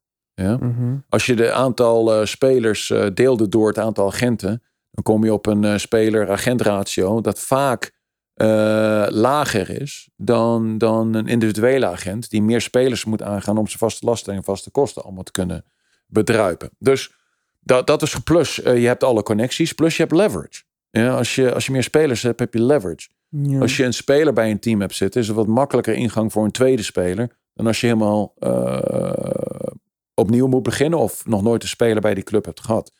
Maar op een gegeven moment in de hoogtijdagen had ik misschien eh 30, 35 spelers onder mijn naam. Die ik, Dus dan eh, heb je het ziek druk in het offseason, zeg maar. ja. Om voor al die 30 ja, spelers dat een is echt contract, 24 uur per dag bijna ja. niet slapen. Ja. Maar wat doen we dan in eh, december? Dit is een cyclus, hè. Ehm, het is zo dat, eh, dat het zegt dat het seizoen eindigt in, in mei. Ja? Mhm. Nou, dan moeten eerst alle, alle spelers moeten naar huis. Moeten de contracten afgewikkeld worden. Auto's ingeleverd. eh, appartementen nagekeken. eh, kijken of alles betaald is. eh, parkeertickets en eh speeding tickets moeten afgetrokken van het laatste salaris. Dat is één grote chaos. Twee, drie weken lang. Ja? Jezus. Eh, dat is één grote chaos. Drie weken lang. Ja. Maar oké, eh, vooral mijn eerste twee jaar zit je echt te kijken zo van wat, eh, wat, wat gebeurt hier allemaal? Ja? Ehm, maar oké, eh, jaar eh, vier, vijf, zes. Oké, weet je wat er gaat komen? Ehm, dan eh, begint de zomer. Eh, hebben we een kamp. Ja? Hebben we een kamp en, en nou, alle spelers zitten thuis. Sommigen zijn vrijgezel, sommigen zitten met eh, vrouw en kinderen. En ja, dan begin je langzaam op te bouwen. Moet je eerst een database maken met nieuwe video. Eh, nieuwe, in 2004 met al die VHS-tapes en eh, DVD's. Nou, later was het gewoon video's uploaden en, uploaden en een profiel dat online te bekijken is met video. Moet je updaten en beginnen met promoten. Nou, teams bellen, eh, die moeten eerst hun lokale spelers hebben. Ja? Ehm, zoals ik vertelde. En nou, dan, als je dan area manager bent van Duitsland, begin met je Duitse spelers. En dan probeer je ook je Amerikanen of je buiten niet-Duitse spelers daar in combinatie te pakken. Kijk, als je die neemt, past die er goed bij, dat soort dingen. Mhm. Nou, en die, die, die, die teams aan die andere kant, die, ehm, die maken een lijstje van hun prioriteiten. Beginnen met een nummer één speler. Ja? En dan nummer twee, dan nummer drie als dat niet werkt. En eh, oké. Mhm. Op een gegeven moment komen ze bij je terug. En dan, eh, nou, dan eh, daar, daar ben je eigenlijk de hele zomer mee bezig. Mhm. Nou, het seizoen begint dan mid augustus, uh, begin september. En dan komen er spelers van jou zelf. je bent de hele zomer bezig met je speler. Hey, dit en dat moet je aan werken. Maar basis shape houden, bla bla bla. Spelers komen binnen halverwege augustus van jouzelf, maar ook van andere agenten bij de clubs waar je contacten mee hebt. Zijn oude shape of geblesseerd. Of dan is het echt nog zes weken chaos tot het, tot het seizoen begint. Spelers wisselen, contractontbindingen, vervangingen. Plus appartementen zijn niet klaar nog voor die spelers die jij getekend hebt. Auto's moeten nog geregeld worden. Allerlei dingen. Aanloop naar het voorseizoen. Uh, de vrouw moet mee. Kinderen moeten mee. Vliegtickets. Allerlei dingen. Ja? Dan uh, begint het seizoen. Maar dan moet de club regelen of jij? Wat? De club toch? Al die huizen. Ja, ja, ja. Maar als die niet geregeld zijn. Moet jij komt... erachteraan? Ja. Dan... Jezus, je ja. geen kinderen? ja, nee. Ja, wie zijn geen kinderen? Die spelers allemaal. Kan toch zelf ook iets regelen of niet soms? Oh, wow. Ja, nee, dan begrijp je niet helemaal. Nee. ik zeg niet dat de spelers kinderen zijn. Maar het is nee, lastig. Ik zeg niet dat jij dat zegt. Ik vind dat. Nee, nee, nee, nee. Ik vind dat niet. Kijk, ik, uh, ik heb dat zelf ook niet kunnen doen. Ik heb natuurlijk nooit in Nederland gespeeld. Je kunt misschien het argument loslaten dat als je in Nederland speelt, uh, dat een Nederlandse speler in Nederland iets zelf iets kan regelen. Maar daar ben Ja. ik niet voor als agent. Waarom? Zodra een speler zelf iets gaat regelen en druk zegt van nu wil ik mijn auto hebben of nu wil ik mijn Ja. ding hebben en dat hij druk zet of zegt van eh, dat is ook hetzelfde wat ik zei. Iedere speler heeft een agent nodig. Ik wil 500 euro in de maand meer. Of ik wil uh, en keihard zelf onderhandeld. Zodra hij drie wedstrijden achter elkaar slecht speelt, wordt dat allemaal teruggeworpen in zijn schoot. Hmm. De agent is daar ook als buffer. Om, om, hè, we vloeken niet bij deze podcast, maar om asshole te zijn. Ja? Eh, jij bent daarvoor om eh, salaris te maximaliseren. Jij bent daar ook af en toe als de speler eh, dingen laat vallen. Om te bellen en zeggen van nu moet morgen die, die om weer terug te komen, in magnetron te staan. Of die auto te staan. Of, de- want als die speler dat gaat doen en daarna heeft hij een keertje ergens in december drie wedstrijden. Maar dan ze, hey, weet je nog, toen je liep te zeiken over die magnetron. Nu wordt het ook tijd om die ballen erin te gooien. Ja, of Ja, en tenslotte betaalt hij er ook voor natuurlijk. Want Ja. anders neem je die fee voor Ja. niks. Eh, Ja. ja, oké. Nou, dus dat, is, dat hoort allemaal bij het, eh, bij, het, bij het agent zijn. Maar dan is het, eh, is het december. Mhm. En er, is er, er komt er een trading deadline. Ja? Een, een, dat, dat, dat teams geen, geen, geen nieuwe spelers meer mogen tekenen. Nou, eh, in de meeste landen is dat 28 februari. Maar dat varieert nog wel eens. Dus daar werken teams ook naartoe. Om nog misschien te veranderen. Daar komt er nog zo'n golf van eh, nieuwe tekeningen. En, en ont, ont- ontslagen. Ontslagen spelers. Even terugkoppelen. Zodra het seizoen en alles een beetje settelt, begin je ook met wedstrijden kijken en naar wedstrijden toe gaan, je spelers bezoeken, maar ook andere spelers bekijken. Wie interessant zou kunnen zijn om misschien eventueel te recruteren.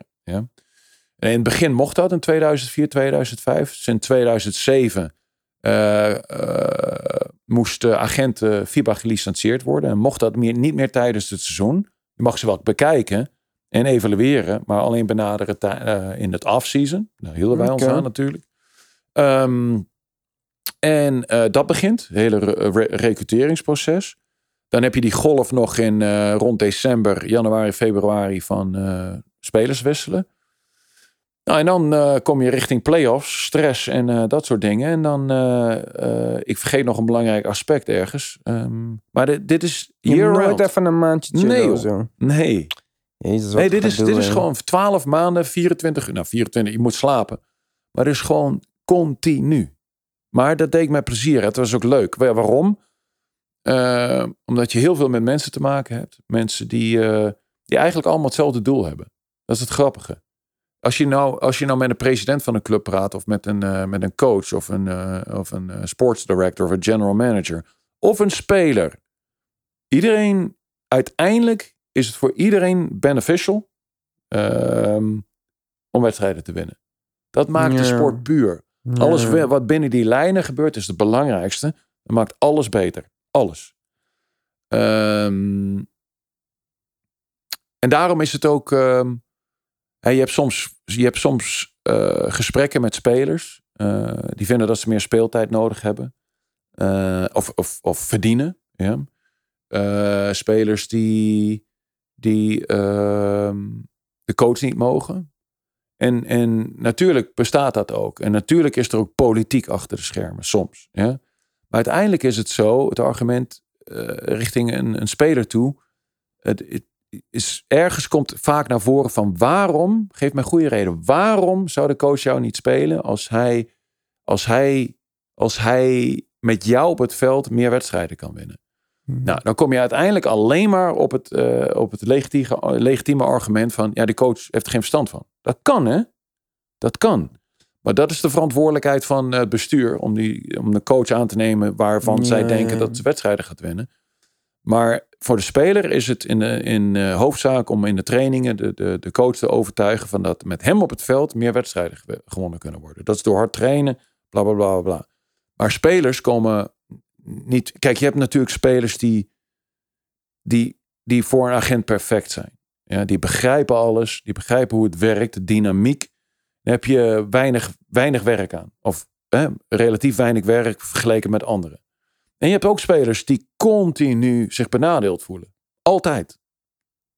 Spelen ze 39 minuten, had het 39 en 30 seconden moeten zijn. Ja, ja, ja. Het zijn spelers die altijd zich benadeeld voelen. Oké, goed. Daar, daar, daar, daar, dat kan. Hè. Dan heb je als agent eh, de, de, de, de spagaat tussen het eh, met fluwelen handschoenen behandelen van een speler of, of eh, voor wat jou de waarheid is. Ik heb de waarheid ook niet in pacht. En de agent heeft ook de waarheid niet in pacht. Maar heeft misschien eh of hopelijk de ervaring, één, als, eh, als, eh, misschien als een ex-speler. Hoe dat werkt, als, hoe het in de kleedkamers gaat, hoe de trainingen gaan, dat. Of maar ook agenten die niet geen spelers zijn geweest. Uit de ervaring jarenlang zaken doen met coaches en interactie met coaches en general managers. En, en die weten hoe dat zit. Ja? Nou, maar je hebt de spagaat om zo'n speler met fluwelen handschoenen of, of gewoon de waarheid te zeggen. Ja? Nou, ik heb menig geen eh, eh, gesprek eh, gehad met spelers waar. en en bij, bij het recruteren van spelers zeg ik van. Luister, ik, ik, ik heb weinig patience. Wat is dat? Geduld. Ja, geduld. Om, om, om maandenlang een gesprek te voeren dat eigenlijk twee minuten kan duren. Ja? Ik wou net zeggen, ik denk niet dat ik een goede agent zou zijn. maar dat uh, fluwelen handschoenen gedoe zou ik Ik, ben voor de, korte ver, de kortste versie van het gesprek. En als dat eh, dan tegen de haren instrijkt, dan neem ik dat op de koop toe. Ik ben ook wel eens ontslagen door een speler die, eh, die beledigd was door mijn waarheid. En nogmaals, Mhm. ik heb de waarheid niet in pacht, maar mijn waarheid is mijn Nee, ja. waarheid. En die probeer ik dan, oh, dan op een, op een zo, zo, zo goed gebalanceerde manier over te brengen en, en uit te leggen. En eh, daar, kun je, daar kun je als speler niet mee eens zijn. Dat is goed recht. En dan kun je mij ook ontslaan. Dat is geen probleem. Dan, eh, dan kunnen we ook eh, ehm, ieder zijn eigen weg gaan en vrienden blijven. Er gebeurt heel veel. Ehm, maar, maar ja, het, het is zo inefficiënt om, om eh, wat, wat ik denk te weten over eh, de situatie eh, op te bouwen of langzaam eh, te, te destilleren richting over de telefoon of dan wel in persoon richting spelen als het in twee minuten kan. Ja, dus eh, ik, ik heb altijd geprobeerd zo eerlijk mogelijk te zijn. Ehm, Oké, soms weten spelers ook meer dan ik. Ja, soms weten spelers ook meer dan ik. Hey, Ik heb het ook wel eens fout gehad, schat ik. Maar, eh, maar ik denk dat ik over het algemeen redelijk goede verstandhoudingen heb eh, overgehouden aan de spelers die ik heb vertegenwoordigd. En eh, ja, vriendschap aan overgehouden. Ja. Je zei eh, eerder van soms gokt een speler op zichzelf en dan gaat het mis. Mhm. We hebben in de NBA natuurlijk recent voorbeeld Dennis Ja. Schreuder, die eh, Ja. 80 miljoen, zo werd gezegd, eh, kon krijgen. Ja. Die zei Vijf nee, tekent. ik eh, speel voor mezelf. En eh, die tekent voor een gedeelte van de mid-level exception nu. Ja. Is daar een voorbeeld van in Europa? Een bekende speler die, eh, wat je zegt, Ja, zeker. Ja, kijk, in Nederland ook. Maar dat is legitiem, hè? Ja, maar noem eens een naam, een bekende ja, dat- speler ik van dat Europa. liever niet. Nou, laat ik zo zeggen. Kijk, in Nederland is het zo. Een Tsjech of zo, die verstaan dit toch niet? Iemand, eh, Ja. gewoon wat bekend is, niet... eh, Nee, maar dit, laat, ik, laat ik het in algemene termen eerst uitleggen. En als je ontevreden bent met mijn antwoord, omdat ik, Ik er omheen zei- ontevreden, ik om- wil een naam. om- ja, zie omdat ik er omheen draai, dan laat me dat weten. Maar eh, dus vaak, laat ik het op een Nederlander. kijk, als Nederlander heb je de Nederlandse markt eerst. Mhm. Kijk, wij hebben hier, je, eh, je mag een beperkt aantal buitenlanders hebben. Ja, je hè? komt in aanmerking voor die zes Nederlandse plekken. Dus Ja. daar ben je als eerste. eh, Ja. ja. De, nou, de clubs, en, eh, de clubs moeten eerst hun Nederlandse spelers hebben. Want daar zijn er maar in principe. Ik wil het niet grofweg eh bagatelliseren. Maar laat zeggen, er zijn 60 spelers die kunnen basketballen. In Nederland, met een Nederlands paspoort. Hè? Nou, met 11 clubs. hè, en, dat zit wel aardig krap. Ja? Heb je er nog een paar die al in het buitenland spelen? Dat die, ook, die ja. Kai Ja. eh, Dinges en eh Charlon. Ja, Kai. Dinges en Char. Ja. Dat zijn twee point guards dan die al in het buitenland spelen. Dus die 11 clubs vechten allemaal om die. 60 Overgebleven beste Nederlandse spelers. Ja, Eh, nou. Ehm, en zij kunnen eigenlijk niet verder met hun buitenlandse spelers. Misschien hebben ze nog een buitenlandse speler onder contract. Ja, dat kan hè. Maar eigenlijk moet je eerst, de, dat is heel, heel simpelweg gezegd, maar om uit te leggen, moet je die Nederlandse spelers eerst hebben. Want daar, daar zijn er gewoon maar 60 van. Dan laten we Ja. zeggen 80, 100, weet ik niet. Maar zijn, dat is een heel gelimiteerde markt. Hè? mhm. Nou, eh, iedereen gaat achter die spelers aan, alle clubs. ehm, en proberen hun Nederlandse spelers eerst te krijgen. Want daar zijn er weinig van. Dan als je die hebt, dan kun je uit de buitenlandse markt, waar er miljoen van zijn, dat is ook weer gechargeerd, ja, kun je de passende puzzelstukjes vinden. Dat is een min, veel minder een probleem, omdat die markt gewoon veel groter is. Dus alle Nederlandse clubs zijn bezig met Nederlandse spelers. En, en die markt stopt op een gegeven moment. Er zit een kleine overlapping met die buitenlandse markt. Waar een Nederlandse speler naar de buitenlandse markt kan. Want die buitenlandse teams doen exact hetzelfde. De Duitse teams moeten eerst een Duitse spelers hebben. De Franse eerst een Franse. Pool is wat groter misschien. Ja, die pool is wat eh, groter, maar er zijn ook meer teams. Ja? mhm. Nou, ehm, dus dat is het lastigste, het lastigste voor een Nederlandse speler. Of in ieder geval lastig voor een Nederlandse speler. Als ze naar het buitenland willen, moeten ze die beslissing of dat, die besluitvorming eigenlijk vroeg maken. Waarom? Zeg even cru gezegd dat het seizoen in mei eh, afgelopen is. En in eh, juli, mid juli, eind juli willen alle Nederlandse teams eigenlijk wel alle Nederlanders getekend hebben Mhm. willen ze de maand eh, laat juli, de maand augustus wel eh, hun eh, buitenlanders willen gaan tekenen. Ja? Dus zeg mid juli willen ze Nederlanders wel getekend hebben. Mhm. Nou, eh, een, een Nederlander die naar het buitenland wil, die moet dus met Franse en Duitse teams gesmeid. Maar die zijn ook alleen maar met Duitsers en Fransen bezig. Mhm. Nou, die overlapping, dat is echt maar een weekje, twee weken. Probleem is dit. Als een Nederlandse speler zegt van, ja, ik wil echt die buitenlandse markt gaan proberen. En dus wacht tot, tot en met augustus en kijkt. En de, als dat dan, dan niet lukt, dan loop je het risico dat er geen Nederlandse plek bij de Nederlandse clubs meer over is. Want de Nederlandse club kijkt naar, ik wil speler nummer A als eerste hebben. Speler nummer B als Mhm. tweede. Als, nummer, eh, als eh, speler nummer A zegt, ik, ga, ik gok op het buitenland. Dan gaat de club echt niet wachten op speler nummer A. Dat is veel te gevaarlijk. Mhm. Want die club loopt dan het risico dat ze geen Nederlandse spelers krijgen.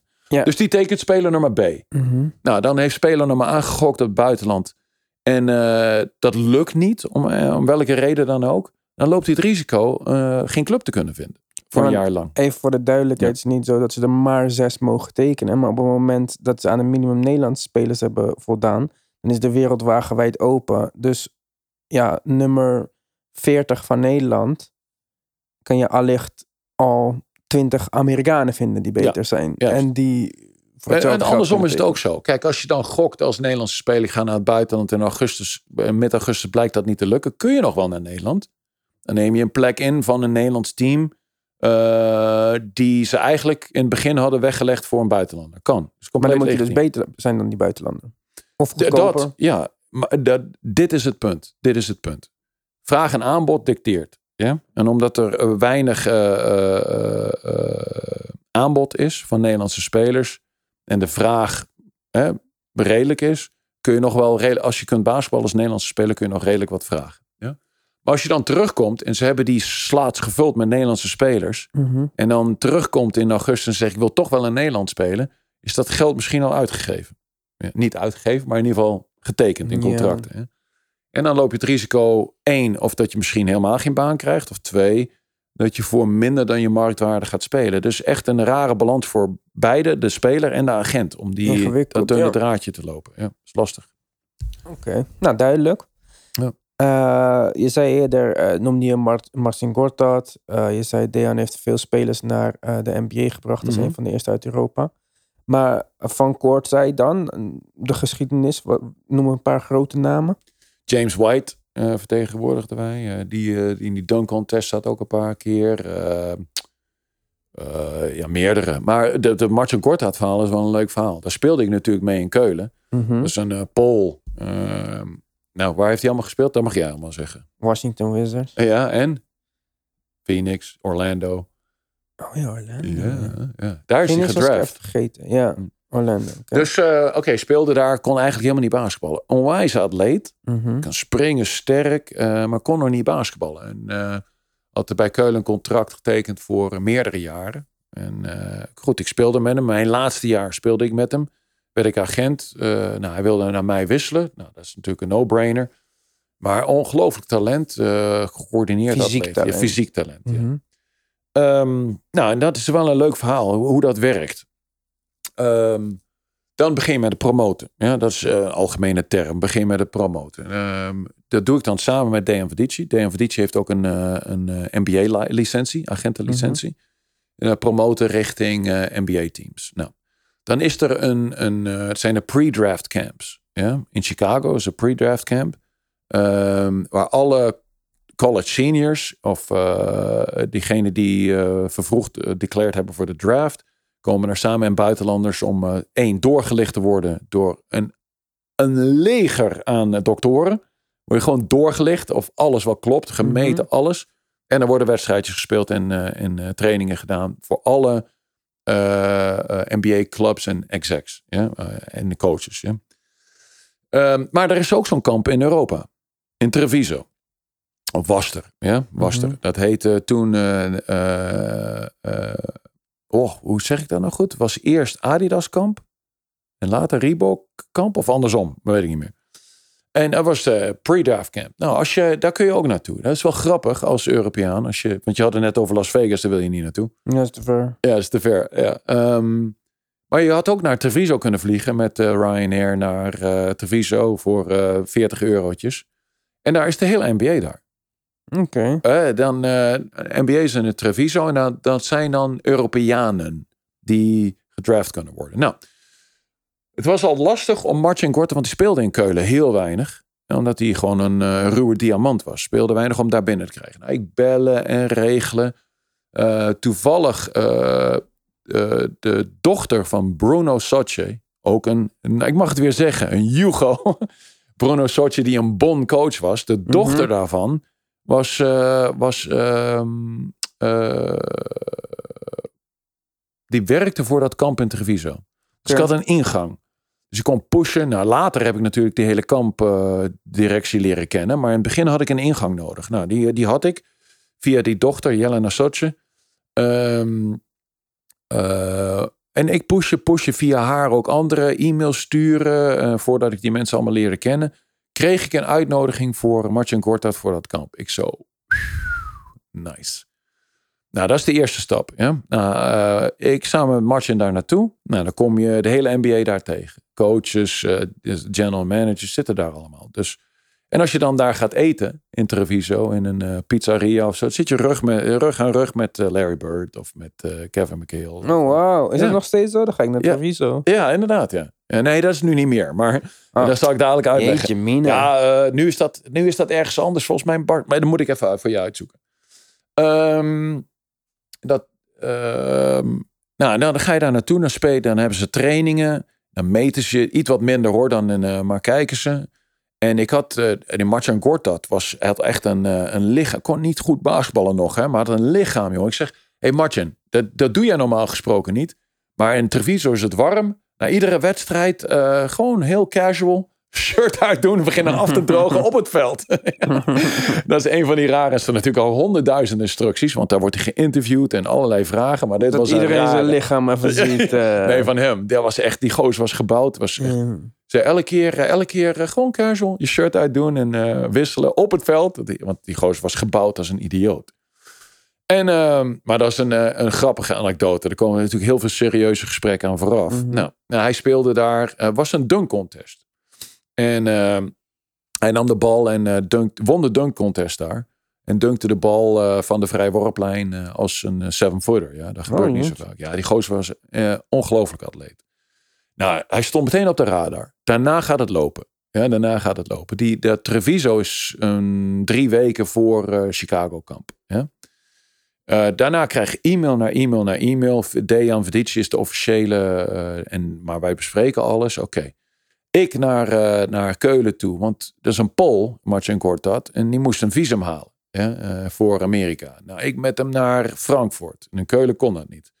Frankfurt gegeven, visum rij- eh, regelen, alles terug. Nou, ehm, dan eh, eh, drie weken daarna alle interviews en, en, en ook al aanvragen van NBA-teams van, hey, wij hebben wel interesse, wil die na, de, na, de, de, na het kamp een individuele workout doen bij ons in ons eigen, in onze eigen stad, in onze eigen hal.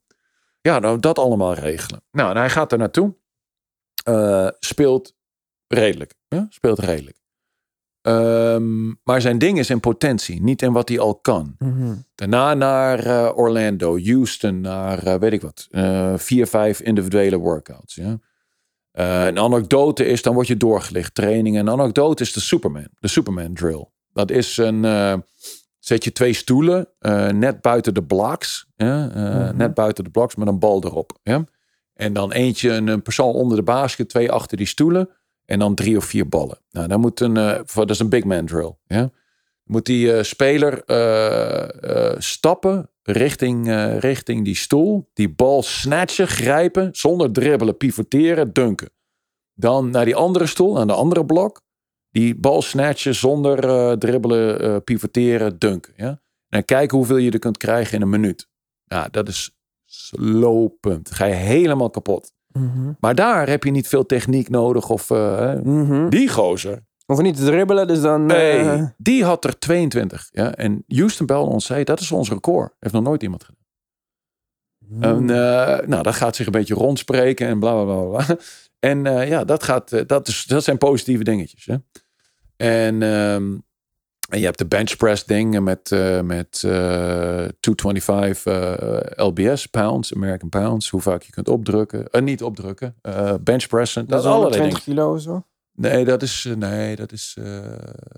ja, dat. Nee, dat is geen eh, 100 kilo. Dat is veel minder. Nee, dat is, dat is de NFL Combine. Die doen hem met 100 kilo. Ja, die zijn ook wat groter. Ja, die zijn wat groter. Nee, maar wacht even. Hoeveel? Ik zit nu natuurlijk al jaren met kilo's. Ik moet even kijken. 102 kilo. Het zijn twee 45 platen. Dus, dus 3 keer 45 is 120, 135 eh, Amerikaanse pond. Oh, 135 Ja. LBS. Ehm 61 kilo. Ja, dat is niet zo, maar, eh, het, maar, maar in de NFL Combine is dat volgens mij 100 kilo. Ja, misschien voor En dan eh, als je daar, eh, weet je, 30 keer, eh, dat, dan ga je helemaal kapot. Maar dat soort dingen. Nou, dan gaat het langzaam rollen. En dan is hij weer terug in Duitsland of Polen. Ik weet niet wanneer hij toe was. En dan, ja, dan komt de draft. Ja. Dan wordt hij, vier, ik geloof, 54ste gedraft. Mhm. En dan begint dat. Ja, eh, eerste ronde is gegarandeerde contract. De tweede ronde niet. Dan beginnen onderhandelingen. Oké, hij kon eigenlijk nog niet basketballen. Wilde door de Orlando Magic. Nou, Orlando Magic ken ik natuurlijk. Die eh, wilde dat hij nog een jaartje in Europa ging spelen. Nou, ehm, goed, dat, eh, hij had nog een contract bij een, eh, in Keulen. Mhm. Dat liep door. En dan begint de heisa. Martin Korta meteen ontevreden natuurlijk. Gedraft. Had een contract getekend met zijn moeder in Polen in zijn keuken. Waar ik niet bij betrokken was. Geen agent bij betrokken was. Dat eh, echt onder zijn marktwaarde was. Dus hij zegt, ja, ik ben nu gedraft. ik weet wel dat ik, ik ga nu meer spelen. Ik wil meer geld hebben. Ik zo, oh, hier gaan we, ja. En een contract openbreken, dat bestaat. Eh, De club heeft geen enkele... Nut om dat te doen voor hen. ja. Ja. voor- waarom zou een club dat doen? ja. Dan had je een agent moeten hebben toen je daarmee begon. Ja? Mhm. Maar ik had voor Keulen gespeeld, kennen ze allemaal. Ik er naartoe, contract opengebroken, veel betere omstandigheden, eh, veel meer geld, eh, bla bla bla. Voor hem kunnen regelen. Het jaar gaat door, iedereen begint aan hem te trekken. Hè? Andere NBA-agenten. Dit, dat. Ja, dat is gewoon de competitie eh, onder agenten ook. Terwijl dat toen der tijd, ja, dat mocht nog. Er was geen FIBA-regels nog volgens mij. Eh, iedereen begint aan hem te trekken. En eh, nou goed, eh, het jaar daarna, die zomer daarna, wilde hij het contract weer openbreken van Keulen. En Keulen zei, ja, hier, dat doen we niet nog een keer. Ja, dus hij half ontevreden, dit. Nou, toen ging hij naar Orlando. En toen, nou, de, de rest ken jij natuurlijk. Hè? Dat zijn trajecten die ik zelf op een andere manier heb doorlopen in, eh, in 1993. Eh, met Martin heb eh, doorlopen. Dat zijn mooie, mooie highlights van een agentencarrière. Ja. Ehm, maar ook Wat is de highlight der highlights? als agent. Mhm. Als agent. Oh, ik wil niet soft en... ik wil niet... Weet je wat het mooiste is eigenlijk? Eh, uiteindelijk heeft Martin Kortaat mij ontslagen. Vanuit het niks. Ja, dat is ook dat, die loyaliteit factor. Mhm. En eh, vanuit het niks, hè, alles, alles voor hem uitgestippeld. Eh, miljoenen verdiend. Ik geloof dat hij een contract van 60, 65 miljoen had. Mhm. Op een gegeven moment. Maar gewoon laten gaan. De loyaliteitsfactor is 0, mm, dat is niet waard. Want dat lijkt het alsof ik dat over alle spelers zeg. Dat is niet Ja, zo. ja. Maar bij sommige spelers is de loyaliteitsfactor 0,0. Ja, Er is gewoon geen liefde in eh, Nee, geld. meer. Dus, eh, En, ehm, maar het mooiste wat ik, eh, wat, wat, wat ik meegemaakt als agent is echt dit. Dat als jonge speler, die zeg eh 23, 24 was toen ik begon. En waar ik de hele carrière mee heb samengewerkt. Waar ik naar de trouwdag ben geweest. Hè, gaat trouwen. mhm. Bij, eh, nou niet bij de geboorte van zijn kinderen. Maar zeg Ja, binnen ja, twee ja. weken daarna daar ben. En eh, ja, een soort eh, ja, relatieopbouw met hem, zijn, zijn, zijn vrouw en tot op zekere hoogte zijn kinderen, die natuurlijk super klein zijn. Tot aan dat hij zegt van, ja, ik ben nu 33, 34, ik stop ermee. En ja, het was allemaal fantastisch. Ik heb eh, Amerikanen, die ik heb overal van genoten, cultuur kunnen genieten, eh, talen, iets wat geleerd. Ehm, ja, ik heb nu eh, x bedrag in de bank. Eh, dank je, hebben we samen gedaan. Dat, dat, dat zijn de mooiste dingen. Dat zijn de mooiste dingen.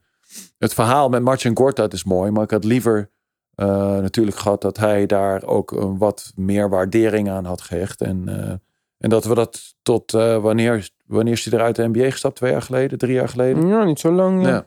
Ja. Tot het einde had kunnen voeren. Ehm, ja, maar dat gebeurt in de NBA ook bijna niet. Nee, nee. Kijk, oh, daar hadden we het eerder over, die financiële crisis. Je ziet dat heel veel agenten er ook mee gestopt zijn. Agenten die general manager worden bij NBA-teams. Ja, die hebben natuurlijk verstand van beide kanten van de zaken. Rob Pelinka, Ja, ja juist. En eh, wordt die man van de Warriors. ja, ook, Een bekende voorbeeld. eh, bekende voorbeelden. Kijk, eh, als agent weet je veel van beide kanten van het eh, spel. Je weet de spelerskant, de, de, de, de, basketbalkant en de businesskant. En grote agent, eh ja, Reddit, Reddit niet wil ik niet zeggen, maar zagen meer heil in, eh, in andere opties dan de agent blijven na de financiële crisis. Want het ging gewoon naar de verkeerde kant op met salaris. Hè. En je weet, agenten worden betaald een percentage van wat de spelers verdienen. Dus Mhm. dat gaat recht evenredig naar beneden. Dus je hebt de keuze of meer volume te draaien, meer spelers te recruteren. En dat kan ook nu, vanwege technology. Je hoeft geen VHS-banden meer te kopiëren en dat Mhm. soort dingen. Dus dat kan ook nu. Maar dan worden de, de relaties ook wat, wat minder persoonlijk.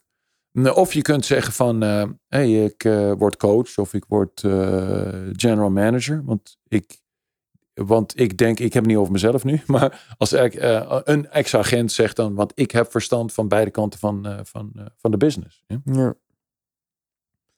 Maar mooie dingen meegemaakt. Maar echt ja, spelers die waardering en eh, de- waardering eh, uiten voor wat je doet als, eh, als agent. Dat, dat is het mooiste. Natuurlijk is het, voordat dat gebeurt, voordat dat gebeurt, ehm, moet het wel een speler zijn die ook begrijpt hoe dat allemaal werkt. En daar, ja, daar gaat vaak heel veel uitleg aan vooraf. En bij, ja, het is ook een percentage van spelers. Kun je uitleggen wat je wil, begrijpen het nooit. Of begrijpen het wel en waarderen het niet. Denken van, hey, eh, zonder agent had ik dit ook gekund. En, wel- je ziet ook, ik ben wel eens, eh, ik ben ontslagen door een eh, speler ehm, eh, hier in Nederland of eh, elders. Die zegt van, hey, ik ben nu zo lang in dit land. Eh, hè, eh, en die denkt, dat is legitiem. Dat is een legitieme keuze. Ik Eh, kan het wel. ik kan het zelf wel. Ja, ik kan het zelf wel. Dan kan ik die 10% eh bij mijn eigen salaris optellen. Kan hè? Kan, want, want de club hoeft dan de agent niet te betalen. En, dan- maar dat is, ga, is iedere keer fout gegaan. Echt iedere keer. Spelers die denken, dat zijn ook wat intelligentere spelers. Het heeft namelijk niets met intelligentie te maken. Het heeft met ervaring te maken en connecties en leverage. Ja? En eh, ja, een speler die zegt van eh, op een hele vriendelijke manier. Geert, we hebben nu tien jaar samengewerkt. Maar ik zit nu tien jaar in hetzelfde land. Ehm, ik, ik denk Kan dat ik het nu zelf kan. En Ja, eh, Pop heeft nooit meer gespeeld. Geen enkele club gevonden. dat is zuur. Ja. Maar van je fouten moet je leren. ja. We gaan het in de volgende uitzending hebben waarom eh basketballen zelf en agent zijn nog steeds niet genoeg was voor jou eh, op basketbalgebied. Maar we zijn nu alweer eh, richting de anderhalf uur. Dus, Zitten we al op anderhalf uur al? Oké, Jazeker. nou dan, dan ben ik benieuwd wat de re- retention Rate van deze is. van deze is. Anderhalf uur. Gaan we uit. Dames en heren, we gaan, eh, ja, we maken over, hoe lang duur je erover? Twee weken voordat, eh, drie weken? Na Voordat de uitzending? Ja, Voor kijk, de- ik kan het ook na een week geven. Ja, maar dan is het niet het niet representatief. super want dan heb je gasten nog die, ze, Mhm. die de- gepauzeerd hebben. Ja. Ja. vooral deze zomer, omdat ehm, ja, het is een lange reeks. Ja. Je bent net klaar met finals kijken. Je denkt basketbal is voorbij. Mhm. En voordat je door hebt dat die basketbalpodcast gewoon doorloopt, Ja, ja. zijn wij misschien bij aflevering 4. Ja. Beginnen zij nog bij aflevering 1. Nou, dit is toch een interessante... Kijk, we- de eerste vijf gingen over basketbal. Maar Mhm. ik als speler. Ik vind dit interessant persoonlijk. dit... eh, Niet dat ik jouw verhaal niet interessant vond, maar dit is gewoon. Dit kan je ook weer toepassen op de actualiteit, zeg maar. Ja. Dan geeft je misschien meer inzichten waarom een speler lang zonder club zit. Waarom, waarom bijvoorbeeld de Lakers eh, acht spelers hebben van Clutch Sports. Ja. En waarom dat dan weer makkelijker onderhandelen is. Waarom Ja. je niet zomaar iemand Ja. boos kan maken. Een ander team een speler van Clutch Sports, zoals nu met de Sixers en Ben. Simmons. Maar misschien maak je nooit meer kans op een speler van Ja. eh Clutch Sports dan. Dat is een heel belangrijk dingetje wat je hier aankaart. We maken er een uur en veertig minuten van misschien. ja. Eh, spelers begrijpen niet geheel, soms, niet altijd. Hè. Is niet geheel dat, dat eh, wat, wat zij eh, doen bij een club eh, direct effect heeft op de relatie die de agent met de club heeft. En da dat maakt nog niet zo heel veel uit. Hè. Maar dan direct ook invloed he- heeft op de kansen van de spelers die diezelfde agent vertegenwoordigen en eventueel bij die club hadden kunnen spelen. ja. Dat is een ding die, die, die je als agent. Kijk, als agent bij je als eerste prioriteit is het verzorgen van die individuele spe- speler. Dat is hoofdzaak. Tegelijkertijd heb je andere spelers die je ook vertegenwoordigt, die misschien ook een kans hebben om te spelen waar speler A speelt. En als hij dingen verpest, ik, ik probeer van vloekwoorden weg te blijven. Ja. Maar niet, dan, dan verpest hij het ook voor de kansen van andere spelers die je vertegenwoordigt. Dus je zit, eh, zit soms eh, ehm, in, een, in een spagaat, een tweestrijd. Tussen eh, individuele dingen van een speler die je moet vertegenwoordigen. En de algemene relatie met een club.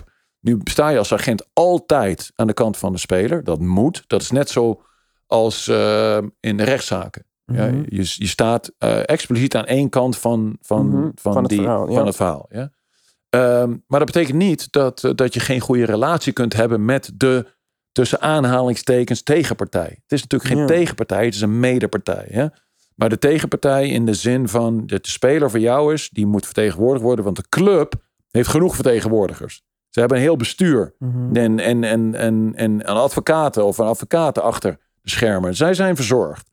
Dus dat moet gescheiden. Maar dat betekent niet dat je geen goede relatie moet onderhouden met eh, je partner in deze. Want je wil de mogelijkheid openhouden voor spelers die banen te kunnen krijgen. Dus dat is, eh, dat is ook belangrijk. En daar refereer je aan Ja. met, eh, met een eh, agency als Clutch Sport. Die, die zitten vaker in zo'n spagaat dan, dan, dan ze waarschijnlijk lief is. Ja, en omgekeerd is het ook zo natuurlijk. Want bijvoorbeeld nu wil Ben Simmons weg. Ja. Ja, kan je van vinden wat je vindt. Mijn mening is, hij heeft een vierjarig contract zelf getekend. Fuck you. Met Clutch Sport toen ook al. Ja, Ja. dus ja, je kan wel zeggen, ik ga niet spelen. Nou prima, dan krijg je geen geld. Mhm. Maar eh, zijn contract is zo ge- opgesteld dat hij de helft van zijn hele jaarsalaris al ontvangen heeft. Mhm. Dus ja, ga maar aftrekken van de rest. Maar je kan wel rustig chillen met de helft van een max-contract. ja. maar eh trade Philly hem niet, Mhm. hoe onrealistisch dan ook. Maar ben je wel geïnteresseerd in Zach Levine, die net heeft getekend bij Cloud Sports? Misschien dat Rich Paul wel zegt, doe maar niet naar Philly. Dan heb je als Philly zijnde ook een probleem. Dus het is Ja. gewoon een, je moet alles met elkaar, zeg maar. Daarom hebben ook spelers in de NBA zoveel leverage. Mm. Ja. Ja. Hoe lang maken we er? Twee uur van? Nee, dat... dat- Nee, maar als je nog hier iets op wil zeggen, dan ja, nou, dit is de laatste dan. Nou, weet je, de spelers hebben niet zo heel veel leverage. De spelers hebben leverage de, de, als ze supersterren zijn. Hè? Dan Mhm. hebben ze wat meer leverage.